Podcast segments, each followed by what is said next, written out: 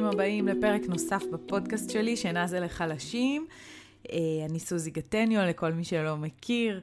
אה, אני אחות מומחית בשינה בהסמכה של משרד הבריאות, והיום אני רוצה לדבר על הרגרסיה, על uh, גיל שנה, מה קורה לשינה של התינוק שלנו בגיל 12 חודשים. זאת חתיכת תפנית, זאת חתיכת רגרסיה. יש שם, תמיד כשאני מלווה משפחות בתהליך ליווי אישי, אז, אה, אז הם כמובן יוצאים עם הרבה מאוד אה, מידע וצעידה לדרך, ואני תמיד מכינה אותם לרגרסיות ו- ומתמודדים איתם נהדר, אבל אני תמיד גם יודעת שבגיל שנה אני אשמע מהם. אה, כי, כי יש שם איזשהו משבר, והם יצטרכו איזה הסבר או איזה חיזוק, ואז הם יוכלו לצלוח את הרגרסיה, כי, כי באמת יש שם איזושהי קפיצת גדילה גדולה, יחסית. אה, אז אם אתם כאן, מגיע לכם מזל טוב בעצם, כי התינוק שלכם בן שנה, ואיזה מרגש זה יום הולדת ראשון, נכון? בהתחלה כזה חוגגים כל חודש, נכון? אה, תמונות כאלה עם השעון הזה, או עם המספרים, הוא בן חודש, הוא בן חודשיים, הוא בן שלושה חודשים. אז בהתחלה חוגגים כל חודש, כי יש לכם סבלנות והכל קסום ומופלא. אני אעשה לכם ספוילר ואגלה לכם שבילדים הבאים אה, תחגגו בתאריך המדויק של שנה, ולא של שנה ושלושה חודשים. אה, אם אתם אימהות שוקות כמוני כמובן, כן? יש כאלה שכן אה, ימשיכו עם המנהג הזה. תסתכלו אחורה על השנה הזאת ותנסו לקלוט את קצב ההתפתחות המדהים של התינוק שלכם, את כמות הדברים החדשים שהוא למד לעשות. איזה נס זה, איזה מטורף זה. אני חולה, חולה על התינוקות הקטנים האלה. אז בואו נראה מה הם למדו לעשות בגיל שנה. אז חלקם כבר יתחילו ללכת בגיל הזה, או הם כבר הולכים בגיל הזה, ומי שעוד לא השלים את הלמידה הזאת, ישלים אותה בקרוב. ופה זה הזמן להגיד לכם שלכל תינוק יש את הקצב שלו. הרבה פעמים בטיפת חלב אנחנו רואים אם תינוק השלים או לא השלים איזושהי למידה מסוימת. ואם הוא עוד לא השלים, אז האמא מיד מתחילה לחשוש, לתהות עם עצמה, מה לא בסדר, למה התינוק שלה עוד לא, והשאר כבר כן. אני רוצה רגע שתבינו, תמיד, תמיד יש טווח, תמיד. כי לא כל התינוקות הם אותו דבר. וכל מה שבתוך הטווח הזה נחשב תקין. אני אחזור על זה שוב כדי שתפנימו את זה טוב. כל מה שנמצא בתוך הטווח הזה נחשב תקין. גם הצד הימני של הטווח נחשב תקין, וגם הצד השמאלי של הטווח נחשב תקין. אז בבקשה, תירגעו, תנמיכו, תורידו את הרעש שיש מסביב, הכל בסדר עם התינוק שלכם. בגיל שנה, התינוק שלנו גם לומד לומר כמה מילים, ומבין הוראות פשוטות כמו אה, לכי תתני את זה לאבא, או תביאי לי את הכדור מהרצפה, או ידיים למעלה. אה, העולם שהתינוק מגלה כל כך מרגש אותו בגיל הזה, ופשוט חבל לו על כל שנייה שהוא מפסיד בשינה. אז אנחנו יכולים לראות בשלב הזה גם החמרה בדפוסי השינה, שפתאום ההרדמה הופכת להיות יותר ארוכה. אנחנו יכולים לראות פתאום יותר התעוררויות בלילה, או שנראה התעוררות אה, בוקר מאוד מוקדמת. כל אלה הם סימנים לרגרסיה. הם לא חייבים כולם לבוא ביחד, יכולים לבוא אחד-אחד, או רק אה, סימן בודד מבין כל הסימנים האלה. אבל הם באים לה, להעיד לנו, הם, הם באים לידי ביטוי באיזושהי החמרה בשינה של התינוק שלא הייתה שם קודם.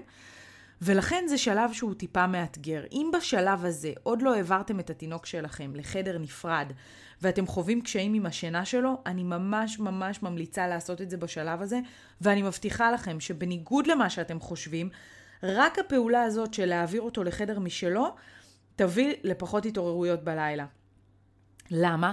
כי בלילה יש לנו אה, יקיצות, גם לנו וגם לתינוק שלנו. עכשיו, כשאתם ביחד בחדר, אתם נוחרים, לא אתם, הבעלים שלכם נוחרים. אם יש פה גברים, אני מתנצלת. סתם, אנחנו נוחרים, אנחנו זזים בלילה, אנחנו משמיעים רעשים בלילה.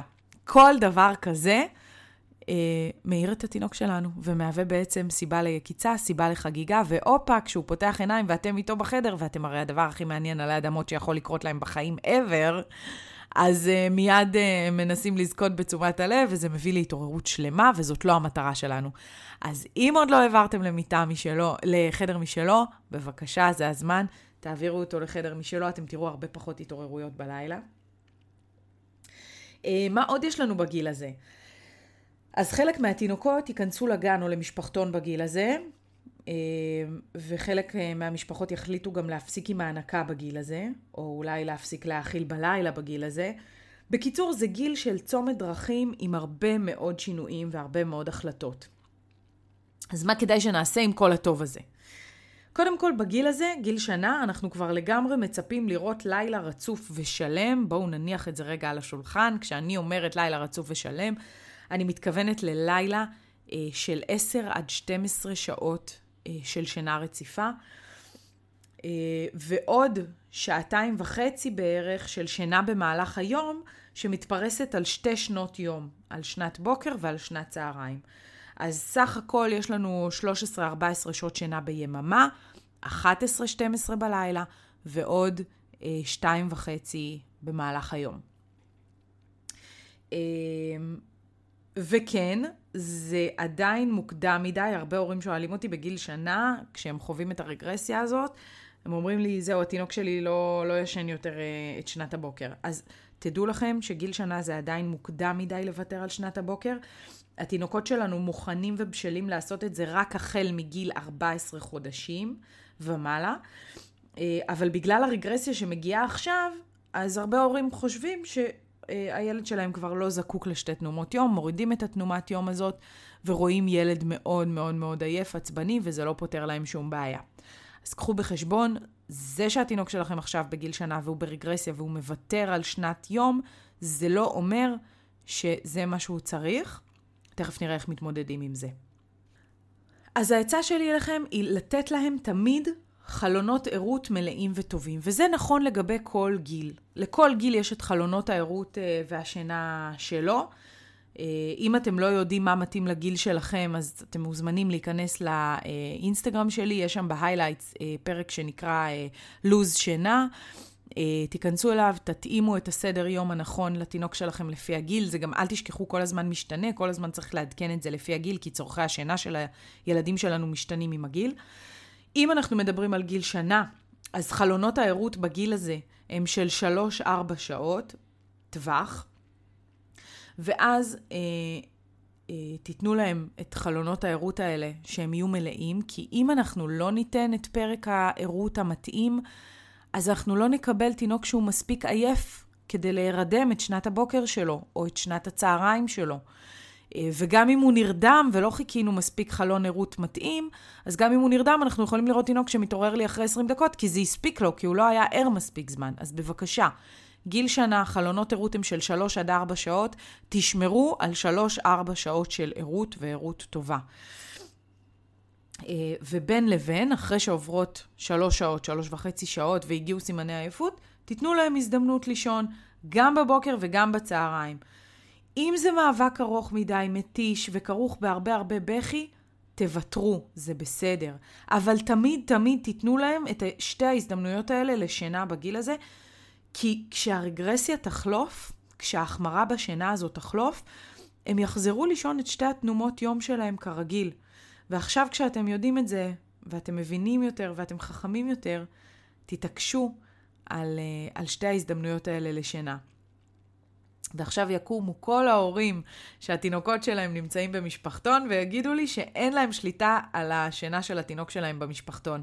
ואני אומר לכם שזה נכון, אני יודעת, אני מכירה את זה. יש משפחתונים שמוקדם מדי מפסיקים את שנת הבוקר של התינוקות שלנו בגיל 11-12 חודשים, זה מוקדם מדי.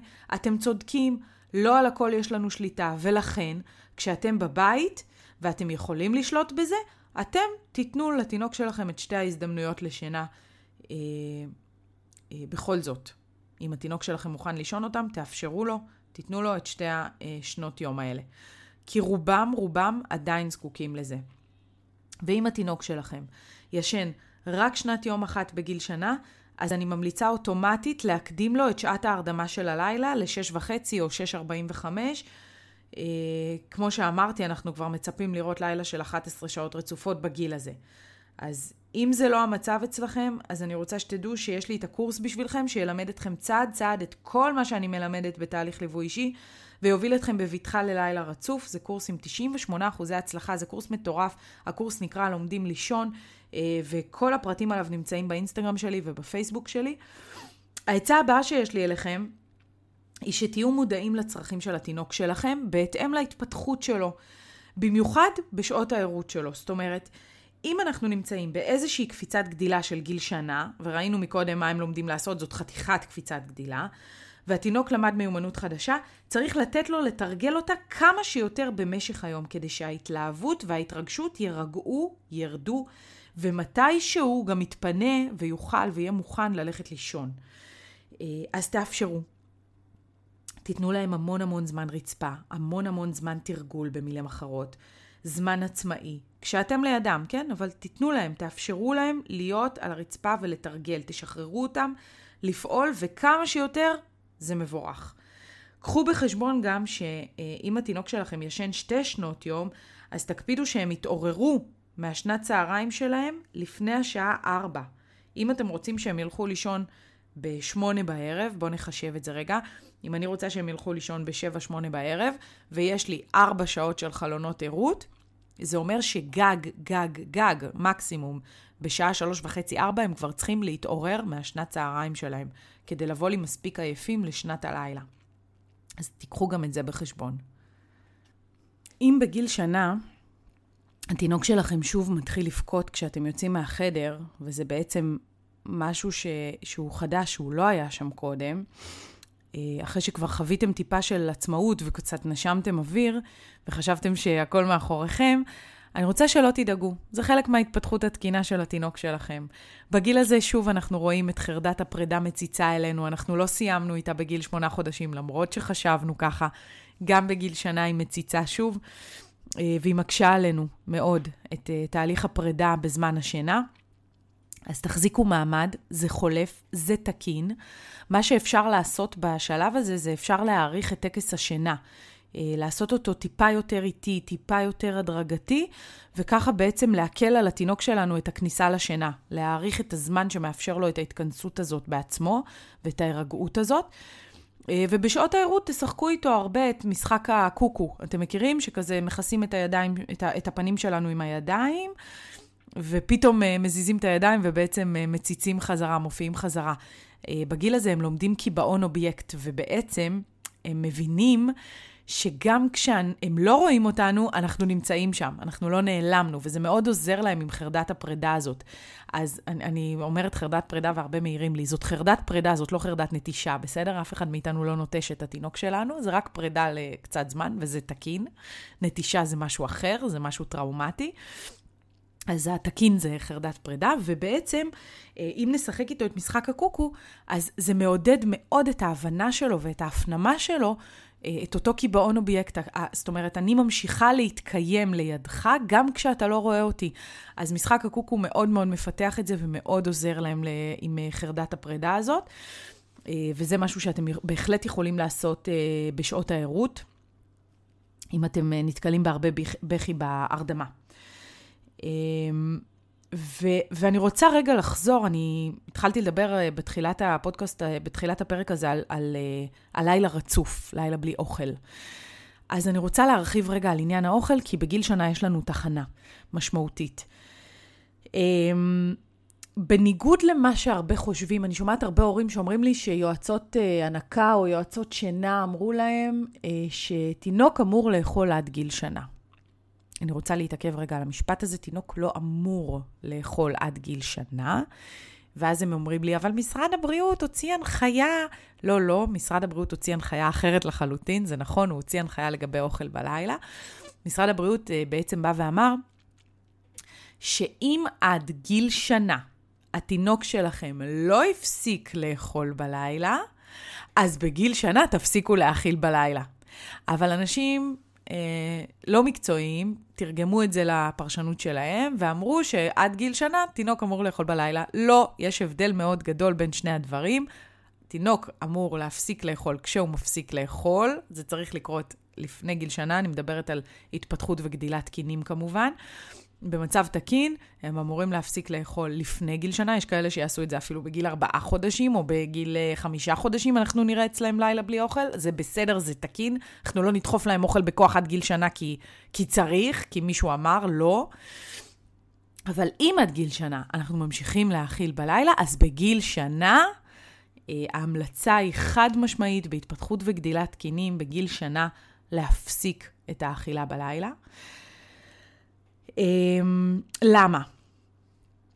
כי יש השלכות ונזקים לאכילה בלילה. אנחנו אה, מדברים על עששת דוהרת, זאת עששת שמדברים עליה בתינוקות, כי אנחנו בעצם בלילה אה, מכניסים אך, אה, אוכל עם הרבה מאוד סוכר, וזה גיל שכבר יש להם שיניים, אז אנחנו מכניסים אוכל עם הרבה מאוד סוכר, וזה מזרז מאוד והורס את השיניים הקטנות שכרגע צמחו, וזה מאוד מאיץ תהליכי עששת.